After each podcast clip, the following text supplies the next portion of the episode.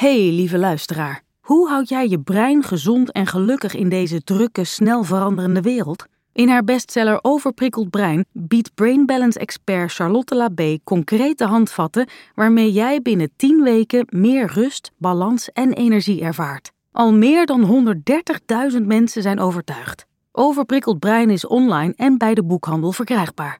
En dan gaan we nu door naar de podcast.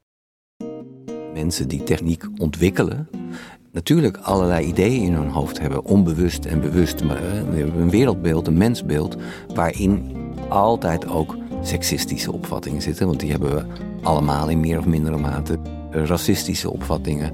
Al dat soort dingen komen dus ook altijd weer een klein beetje terug in die techniek. Ja. En juist daarom ook is het zo belangrijk dat dat openbaar wordt. Ja, als dat allemaal geheim wordt gehouden en wij weten eigenlijk niet goed hoe dat allemaal werkt, dus dat is echt gevaarlijk. Ja, en het geeft een soort illusie van keuzes, alsof je keuzes maakt. Ja. Maar die keuzes zijn al lang voor jou Die gemaakt. zijn voorgebakken, ja. Welkom bij Lieve Frank, een podcast waarin ik brieven beantwoord over dilemma's in het leven. Jullie brieven. Met hulp van filosofie geef ik een ander perspectief op kleine en grote problemen. Ik ben filosoof en auteur Frank Meester. En ik ben Rachel van der Pol, jouw host. En met deze podcast hopen wij het leven lichter te maken, of in ieder geval een klein beetje. Vandaag behandelen we de brief van Frank. Leuke naam. Je hoort het goed, nog een Frank. Die piekert over de rol van techniek in ons leven. Gaat dat allemaal wel eerlijk? Rachel leest de brief voor.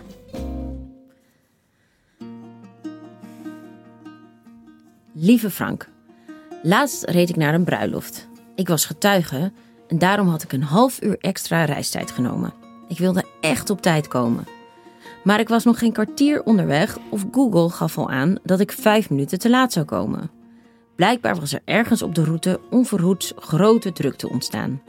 Ik ging heel hard rijden, maar na 10 minuten gaf Google aan dat ik zelfs 7 minuten te laat zou zijn. Dus ik ging nog harder rijden. Uiteindelijk was ik 5 minuten te laat. Iedereen zat op me te wachten.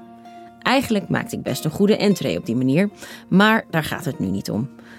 Stel nu dat Google een lerend vermogen heeft. Dat hij aan de hand van mijn rijgedrag de volgende keer aangeeft dat ik ergens sneller zal zijn, omdat Google mij leert kennen als iemand die altijd te hard rijdt. Daar zou ik dan op kunnen reageren door juist steeds wat te langzaam te gaan rijden, zodat hij zijn idee over mij weer bijstelt. Het komt erop neer dat techniek ons kan disciplineren, zoals bij de elektrische tandenborstel. En wij kunnen die techniek ook weer disciplineren, zoals misschien bij Google Maps. Maar hier komt het lastige. Bij veel technieken weet je niet hoe ze werken. Dus ik weet niet hoe ik Google moet disciplineren. Ik weet niet hoe die algoritmen werken. Die werking wordt juist geheim gehouden. Als we met mensen te maken hebben die ons disciplineren, zoals een politieagent, dan kunnen we in gesprek. Een agent probeert ons, net als techniek, zoals een flitspaal, aan de regel te houden. Maar hij of zij kan ook besluiten om jouw foute gedrag door de vingers te zien. Dat kan bij techniek toch vaak juist niet. Nu ja, wat is mijn vraag eigenlijk? Ik denk deze. Hoe moeten we met techniek omgaan? En is het niet onethisch dat de werking van algoritmen geheim wordt gehouden? Ik kijk rijkhalsend uit naar je antwoord. Met een hartelijke groet, Frank Bloem. Ja, Leuke vraag, heel, anders. Ja, heel leuk. Heel een ja, technische vraag over techniek. Ehm, Ja, maar ook heel erg van deze tijd. super van deze tijd. Ja, en, en, en ehm, Want wat doe jij bijvoorbeeld als Google Maps aangeeft dat je dreigt te laten komen? Ja, dan ben ik ook geneigd om te Ja. hard te gaan rijden. En ik ken sowieso heel veel mensen die eigenlijk altijd wedstrijdjes doen met Google Maps. Die zijn altijd het proberen om net iets sneller te zijn dan Google aangeeft. Ik heb hem verslagen. Ik heb hem verslagen, ja. ja. Maar wat heb je dan verslagen inderdaad? Ja. Ja, nee, het is natuurlijk bloedlink, want we gaan er harder door rijden. Het nodigt Ja. gewoon uit om een beetje te hard te gaan rijden. ja. Ja. Maar laten we even ehm, beginnen bij het begin. Want ik, ik, in deze vraag komt eigenlijk best wel veel samen. Ja. Ehm, maar hoe kijk jij naar de rol van techniek in ons leven? Ja, wat, wat techniek wordt heel vaak. Nou, doet, doet deze Frank dat niet hoor. Maar techniek wordt heel vaak zo tegenover de mens gezet. En er zijn ook heel veel films waarin die techniek ons gaat overheersen en dat soort dingen. En die discussie is natuurlijk ook nu weer heel erg met AI en zo. Dus Ja. dat is zeker gaande. Maar in zekere zin denk ik dat daar een soort verkeerd idee achter zit over wij en techniek. Alsof dat twee totaal verschillende dingen zijn. Terwijl wij eigenlijk al heel lang vermengd zijn met techniek. Wij kunnen niet denken zonder die techniek. We kunnen niet gaan denken, oh, wat moeten we doen dat die techniek ons niet beheerst. Nee, wij zijn al aan het denken met techniek. Wij zijn eigenlijk hoe wij zijn, komt door techniek. En er is een heel mooie scène, dit is een beroemde scène die ook heel vaak alweer weer gebruikt is. En dat is de scène, het begin van uh, de film van uh, Stanley Kubrick, uh, 2001 Space Odyssey. En je ziet twee groepen eigenlijk van aapachtige wezens. En die zijn met elkaar in strijd. En dat is steeds een beetje onbeslist. En op een gegeven moment komt één van de leden van één van die groepen, die, komt, die ziet een bot liggen en die komt op het idee om dat bot te pakken en iemand van die groep van die andere daarmee voor zijn kop te slaan. En dan die andere groep druipt af en hij gooit dat bot in de lucht, triomfantelijk. En dan zie je dat bot zo cirkelen en dan gaat dat langzaam om in een ruimteschip. En dat is eigenlijk heel mooi verbeeld. Dat je zou kunnen zeggen, de mens is mens geworden op het moment dat hij technieken ging gebruiken. En dat maakte hem anders dan de rest van de natuur. En dat zie je dus die overgang van het bot, de allersimpelste techniek, naar het ruimteschip. Op dat moment in ieder geval de meest uh, vooruitstrevende en uh, vergaande techniek. En ja, zo zijn wij dus voortdurend door die technieken die maken dat wij op ideeën komen. En uh, daardoor is de mens in de middeleeuwen is een ander mens, is wezenlijk misschien wel anders dan wij. Wat kan je een concreet voorbeeld noemen? Nou ja, bijvoorbeeld ons geheugen. Dus wij, wij denken, wij weten al dat we dingen kunnen opzoeken. dus we hoeven dan al dingen niet meer te onthouden. Daardoor werken wij, hebben we gewoon een andere werkwijze gekregen. Er was een tijd, uh, nou, 50 jaar geleden. Als jij iets belangrijks wilde doen, dan moest je heel lang studeren. En uh, Grieks leren, ik noem maar iets allemaal. Dat was allemaal de diepte ingaan. Ja, die kennis moest je paraat hebben. Die moet je in paraat brein. Ja, terwijl nu moeten we alleen maar aan het oppervlakte van onze telefoon moeten we een beetje tikken. Hè? En daar is die kennis, daar is die ding. We hoeven dat allemaal niet meer in ons te hebben. En om een ander voorbeeld te geven wat, wat ons heeft bepaald. Um, is een heel beroemd voorbeeld uit het boek van Marcel Proust, de Franse schrijver. Daar gaat hij dan voor het eerst met de auto op bezoek. Eerst ging hij met de trein. Nou, dat duurde heel lang. Dat was een lange reis. Dus dan ging hij bijvoorbeeld naar zijn tante in de provincie. Nou, en dan uh, ging je daarheen, dan ging je daar blijven slapen. Dan was je heel lang bij die mensen. Daar had je een door, daardoor had je een bepaald soort verhouding. Als je langer bent bij mensen, dan heb je een verhouding. Maar nu met die auto um, kon hij opeens drie mensen bezoeken daar in de buurt. Want hij kon ook nog even een ritje naar die maken en weer een ritje naar die. En Gewoon een efficiëntieslag. Efficiëntieslag. Maar dan kwamen er een soort kortere bezoekjes, waardoor je toch weer je anders verhoudt tot die mensen als je daar echt blijft slapen en zo. Dus onze verhouding tot elkaar verandert door techniek. En dat komt natuurlijk ook weer door die telefoon. Als we een Oh, afspraak dat- maken. Ja, want mag ik nog even terug Ja. op die auto? Want ik vind dat echt een superleuk voorbeeld. Want we denken toch, in de tijd dat je nu leeft, denk je toch heel erg, oh, maar nu gebeurt er toch iets waardoor wij eh, helemaal hoe wij leven en doen veranderen door techniek. Maar ja, dat gebeurde dus, dat is dus van alle tijden. Ja. Ja. En je hebt een interessante filosoof, Petran Kokkelkorn, is een Nederlandse filosoof. En die heeft daar ook veel over nagedacht. En die zegt wat er eigenlijk wat techniek eigenlijk vaak doet. Nieuwe technieken die trekken ons als het ware uit ons centrum. We staan op een bepaalde manier in de wereld en we zijn gewend om die wereld dat die zo is. En dan zo'n nieuwe techniek die maakt dat we opeens op een andere manier naar, naar de wereld kijken. En hij geeft een voorbeeld van een landkaart dat hij voor op school zat. En dat hij voor het eerst de meester op de kaart wees zo van hier woon jij.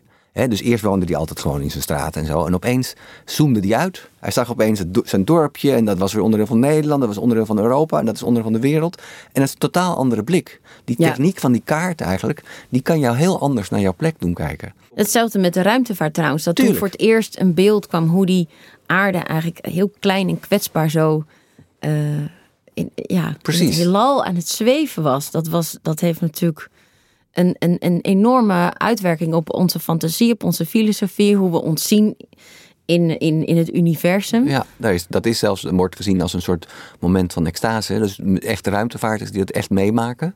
Dat is iets, dat schijnt een ervaring te zijn die je leven verandert. En waardoor je ook bijvoorbeeld opeens veel meer van die aarde gaat houden. En veel meer, eh, heel veel mensen komen terug. En die eh, zijn opeens veel meer met, eh, met, met Milieuactivisten, Precies. En volgens Peter Kokkelkorn is het zo dat wij gedurende, dus zo'n techniek haalt ons in zekere zin uit ons centrum. Dat maakt dat er wat verwarring is over wie ben ik, en waar sta ik in deze wereld. Hè? Al dat soort dingen komen op. En ja, langzaam raak je je weer aan gewend en, en kom je weer terug in je centrum. En eigenlijk is dat een soort beweging die steeds gaande is. En eh, Frank, brievenschrijver Frank, Ja. die ja, die worstelt daar dus mee. Die heeft zoiets van, joh, uh, ik heb nu een paar keer te hard gereden. Uh, wat, wat gaat Google nou van mij denken? Dat is ook Ja. wel heel grappig dat we dus dat soort termen eh, gebruiken voor technologie, alsof ze denken.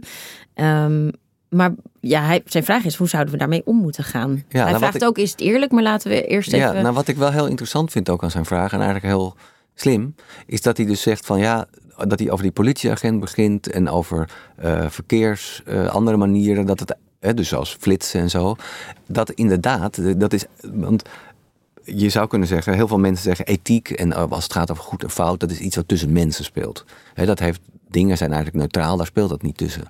Maar er zijn filosofen, zoals Bruno Latour, die zegt, nee, eigenlijk zijn die technieken ook net zo goed eh, ethische factoren, ethische actoren in een bepaalde, ja, hij noemt dat een script, in een bepaald script. Als jij rijdt over straat en er staat een politieagent die zegt je moet wat zachter rijden, eh, heeft die ongeveer dezelfde rol in het script als een drempel die ervoor zorgt dat je wat zachter gaat rijden. En dat is eigenlijk ook wat deze Ja. Frank ziet. En dat is natuurlijk zo. Inderdaad, maar het probleem is alleen met die politieagent kunnen we gaan praten. En met die drempel niet. En een drempel is nogal vrij eenvoudig hoe dat zit. Maar natuurlijk met die geavanceerde technieken, met algoritme, eh, ja, is dat veel moeilijker. En wij weten dus helemaal niet hoe die ons beïnvloeden. Nee, want daar komt inderdaad het, het, het stuk waar gaat wringen. Ja, daar gaat het, is het, het probleem. En dat, ik denk dat hij gelijk heeft dat dat, dat, dat allemaal openbaar moet worden. Dat soort dingen. Er wordt, er wordt wel in de wetenschap, wordt ook wel, of tenminste wetenschapsfilosofen, die hebben bijvoorbeeld ook kritiek op het idee, dat noemen ze dan de black box. Er wordt wel gezegd, nou, uit onderzoek blijkt, of dit is wetenschappelijk gebleken. En, en er wordt eigenlijk niet gezegd hoe dat is gebleken. Dus er wordt eh, iets onderzocht, dat gebeurt allemaal in een laboratorium, daar weten we niks vanaf. En dit is de uitkomst. En, en, maar op die manier kunnen wij burgers eigenlijk heel moeilijk daar. wij Ons moeten te dat. verhouden. Want wat, te- ja, ja, wat wij moeten er dus iets mee. De- Ja. de- die uitkomst zegt iets over, nou, dit is dan A is beter dan B, bijvoorbeeld. Maar als wij niet weten hoe dat tot stand is gekomen, Ja, dan kunnen wij dat. Dan, wij moeten, dan kunnen we er eigenlijk niet over meepraten. Dan moeten we dat gewoon aannemen van de experts. En dat is in zekere zin, zou je die black box ook kunnen zeggen over bij technieken. Inderdaad, dat grote bedrijven die zo belangrijk voor ons zijn. Hè, de, de- ook het nieuws wordt heel vaak via Twitter, komt dat tot ons. En, en, en belangrijke mensen, politici, die brengen hun boodschappen ook vaak. Of eh, via X, moet, Ja. ik- X moet ik tegenwoordig zeggen. Eh, en dus, dus die, al die, die media die dus in handen zijn van grote bedrijven, die spelen een belangrijke rol op het wereldtoneel. En tegelijkertijd houden die, hoe ze functioneren, houden ze achter. En ik ben het eigenlijk eens met Frank. ja. Eh, dat, dat mag niet. Dat moet, dat moet bekendgemaakt worden. Ja, dat is gewoon oneerlijk.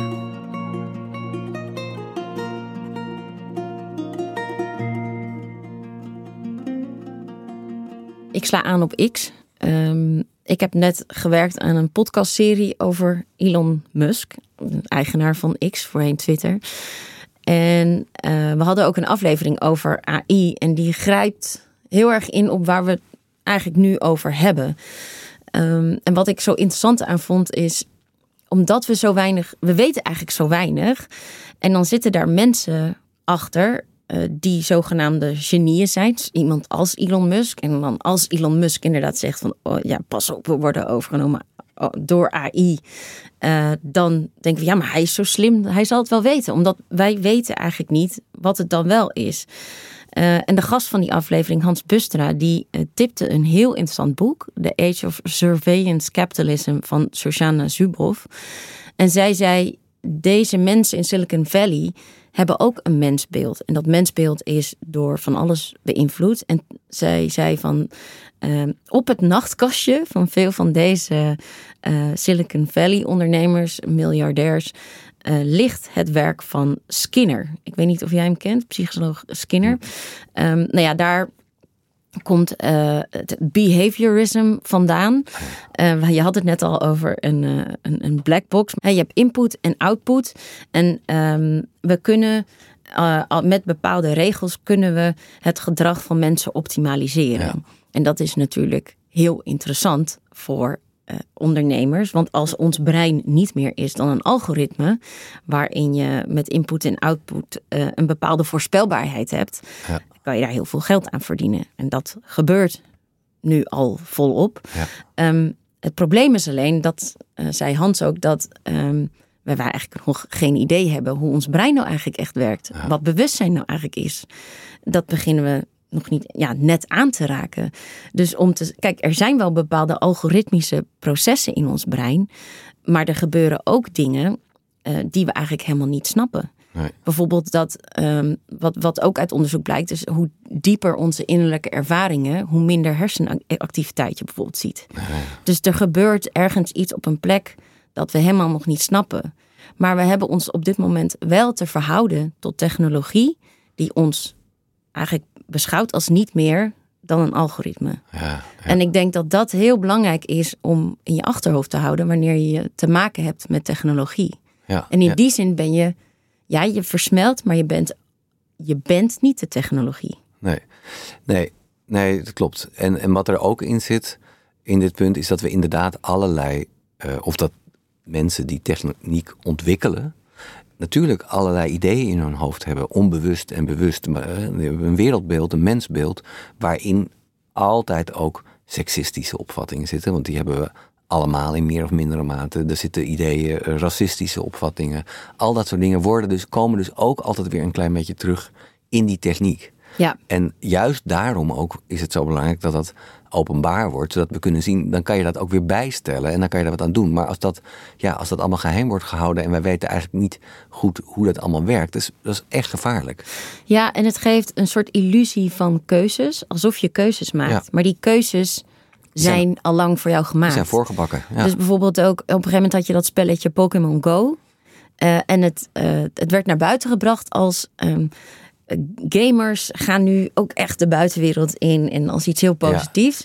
Um, maar uh, die Pokémons waren dan weer te vinden in de buurt van de hoogste bieders zoals Starbucks. Ah, dus jij denkt dus van, oh, ik doe nu een heel leuk spelletje en ik ga met mijn kinderen naar buiten. Weet je, dat is, je denkt dat jij die keuze maakt. Eh, dan kom je langs de Mac of de Starbucks. Dus in hoeverre is het echt jouw keuze dat je een Happy Meal gaat kopen? Ja. Weet je wel, dus dat... Dat, is heel dat, ingewikkeld. en heel ondemocratisch. Ja, ondemocratisch ook, ja. En maar hier zit natuurlijk een heel, heel grote problematiek achter... waar we het misschien niet nee, over moeten hebben van het kapitalisme. Dat we natuurlijk in een systeem zitten dat... dat ja, en dat op steeds meer gebieden uh, ook invloed heeft. Maar een systeem, ja, dat uit is op winst. En dat, is, dat is het primaire doel. En niet ons maatschappelijke winst, maar voor een heel klein groepje mensen winst. Ja, ja. En, en, ja, je hebt allerlei van dat soort ideeën als nudging, weet je wel. Dat je dus mensen een beetje kan sturen door een trap te maken die een, een, een uh, een piano is. En dan ga je leuk die trap oplopen. En dan ben je, heb je beweging. En dan maak je ook nog klanken en zo. Maar het probleem is natuurlijk. En heel veel mensen zijn er tegen. Want ze zeggen, ja, je moet ons niet beïnvloeden. Uh, liberalen zijn er ook tegen. Van jullie zeggen, nee, we moeten allemaal zelf kunnen doen wat we willen. Maar het probleem is. Er zit een enorme kapitalistische systeem achter. Die uit zijn op winst. Die zijn ons ook de hele tijd aan het nutchen. Nee, precies, dus maar, het is alleen geen vrijheid. Voor, nee, ja. Dus dat is het lastig. Maar goed, dit is een erg ingewikkeld systeem. Uh, discussie, heel groot. Wat ik nog over techniek zou willen zeggen, is dat techniek dus inderdaad, daar zit de, de opvatting in van de makers. En, en techniek is dus niet neutraal. Techniek doet iets. dat is een beroemde voorbeeld dat de wapenindustrie in Amerika zegt: um, een pistool doodt niet iemand, een mens doodt iemand. En, maar dat is niet helemaal waar. Een mens met een pistool doodt iemand. Ja, dus een wapen is geen neutrale techniek. Nee, het is een ding dat ons bij. Als ik een wapen hier in, de la heb liggen en ik word boos op jou, dan kom ik op het idee om dat wapen te pakken, omdat het daar is. Als dat wapen daar niet is, dan kom ik ook niet op het idee om dat te pakken. We reageren gewoon vaak uit een soort hele snelle reactie. En dan weten wij wat voor dingen daar zijn, wat voor mogelijkheden. Dat is precies wat ik bedoel, we denken met die technieken. En daar, dat geeft ons ook weer mogelijkheden om iets te doen. He, wat ook wel wordt gezegd, dat uh, iemand met een hamer ziet overal een spijker in, waar hij op kan slaan. En dus dat, dat maakt dat jij op een bepaalde manier naar de werkelijkheid kijkt. En of, wat ook een goed voorbeeld is, als er een, een trein is, loopt, een, een loopt, in de buurt van een psychiatrische instelling. En er zijn geen dingen geen versperringen om bij die spoordeel te komen, dan zijn er gewoon fundamenteel meer zelfmoorden dan op het moment dat je daar een hek zet. Dan is net de, de, de, de stap ietsje groter om dat te doen. Dus je komt op het idee om daaronder te springen en dat doe je in, in een impuls. Terwijl als er iets voor zorgt dat dat weg is, dan doe je het net niet. Dus dat is weer een heel simpel techniekje die maakt dat wij mensen gewoon anders reageren op zo'n trein. Begrijp je? Dus we worden Ja. beïnvloed voortdurend door de techniek. En daarom is het heel goed om daar ontzettend kritisch over na te denken. Dus dat is ook een advies, denk ik, dan aan Frank. Denk goed na over wat hierachter zit en ga je erin verdiepen. Dat doet hij dus eigenlijk nu al met al. deze brief. En Ja. hij weet geloof ik al best wel veel. Ja, ja. en ja, inderdaad. Dus denk daarover na. En inderdaad, het is ontzettend lastig als die techniek ons gaat disciplineren. Eh, soms is dat goed. Er zijn namelijk ook gewoon technieken van. Bijvoorbeeld, een van de grote problemen waar mensen nu allemaal mee zitten. is dat ze natuurlijk de hele tijd afgeleid worden door het apparaat. Ik heb er zelf ook last van. Ja. Als wij straks klaar zijn met Ja, het jij zit nu opnemen. de hele tijd op je telefoon Nou, te kijken. Terwijl we hier een goed gesprek proberen te voeren. Leg dat ding. Dat is niet waar, lieve luisteraar. ik doe het alleen maar tussendoor als we even niks doen. maar ehm, het is, dat, is een, hè, dat is bekend. Worden afgeleid. worden, nu op scholen wordt, dat, wordt gezegd dat moeten we echt niet meer doen. Want het wordt gewoon minder goed lesgegeven. Allemaal dat soort dingen. Dat is allemaal waar. Maar er zijn ook weer technieken, namelijk apps. Ik geloof Pomodoro heb je en Freedom. Die kan je op je telefoon installeren. En die maken dan weer dat jij eh, een tijdje je telefoon niet kunt gebruiken. Of heel goed kunt leren in stapjes en dan weer even rust neemt. Daar- Dat zit erop. Dus het- het is niet zo simpel dat je zegt, we moeten helemaal af van die techniek. Die techniek kan ons ook weer helpen. Die, die, die techniek Ja. disciplineert ons. En dat kan ook goed zijn.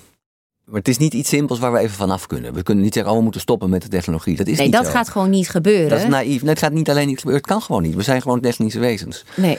Maar, maar tegelijkertijd kan het echt wel gevaarlijk zijn. Dus dat is gewoon het spanningsveld waar we in zitten. We, we moeten er gewoon de hele tijd iets mee. We moeten erover na kunnen denken. Ja, en daarom heeft deze Frank gelijk. Hoe die dingen werken, dat moet, die black box moet open. En dat is dan op individueel niveau. En ik denk dat, Ja. tenminste, want als ik het zo proef, hij is hiermee bezig. Hij weet er al veel van. Dus ik kan me zo voorstellen dat ehm, als je dit ook op systemisch niveau wil veranderen, dat het dan ook goed is om je daar meer in te gaan te verdiepen en actief in te worden. En kijken welke partijen, Ja. welke standpunten daarin hebben. Ik vind bijvoorbeeld al heel positief de ontwikkeling eh, die we nu hebben in de Europese Unie. Precies. Ehm, waarin eh, we eindelijk een beetje gaan snappen wat voor invloed deze technieken hebben op onze democratie. En daar, dat daar nu ook wetten voor zijn, waardoor bijvoorbeeld eh, de X-variant van eh, Meta, dus Threads is er nu, mag bijvoorbeeld nu nog niet in Europa uitgerold worden, omdat het niet voldoet aan privacy. Ja, ehm, dat is heel wetgeving. Ja. En dat vind ik iets heel positiefs. Nou ja, zo te horen vindt Frank ook dat daar meer transparantie in moet komen. Dus dat je ook kan kijken van... hé, hey, welke partijen ondersteunen mijn eh, standpunten hierin... en daar ook actief ehm, Zeker. Dus je, inderdaad. voor gaan stemmen... en je, je, je, je stem voor gebruiken. Ja, het is een persoonlijk probleem. En dan moet je inderdaad een persoonlijk ding vinden waar ik net over had. Maar het is vooral ook een vooral- maatschappelijk ja. probleem. En dat is inderdaad ook gewoon een politiek ding. En dan moet je kijken waar kan ik op gaan stemmen. Zodat, of waar kan ik mijn hart voor maken, zodat daar eh, betere regelgeving komt. En wat er wel aan de hand was heel lang, is was dat er gewoon geen regelgeving was. Niks. Nee. Want er is dus wel regel, er zijn allemaal regels voor in het dagelijks leven hier. Maar die golden niet op in de, voor cyberspace. En dat is langzaam aan het veranderen. Natuurlijk moet cyberspace ook specifieke regels hebben, want het is een andere ruimte dan onze ruimte, dan de gewone ruimte, of hoe je het wil noemen. Maar eh, heel vaak waren zelfs de regels die hier in de normale wereld, in de analoge wereld golden, die golden nog ineens voor cyberspace. En dat is natuurlijk zoiets wat, iets wat sowieso al zou moeten.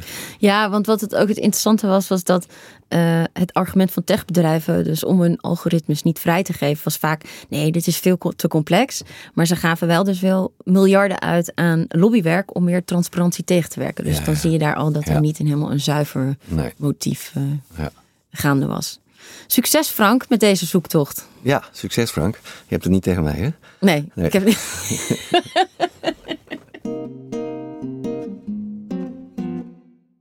Je luisterde naar Lieve Frank, een podcast van VBK Audiolab en uitgeverij Ten Haven. In deze aflevering hebben we het onder meer gehad over de versmelting van technologie en mens en welke invloed dit heeft op ons gedrag. Alle boeken, podcasts en films die we hebben genoemd kun je terugvinden in de show notes. Redactie van deze podcast is in handen van Rachel van der Pol en van mij, Frank Meester. Opname en sounddesign is gedaan door Tinium Audioboekproducties. Muziek BMG Production Music. Bedankt voor het luisteren.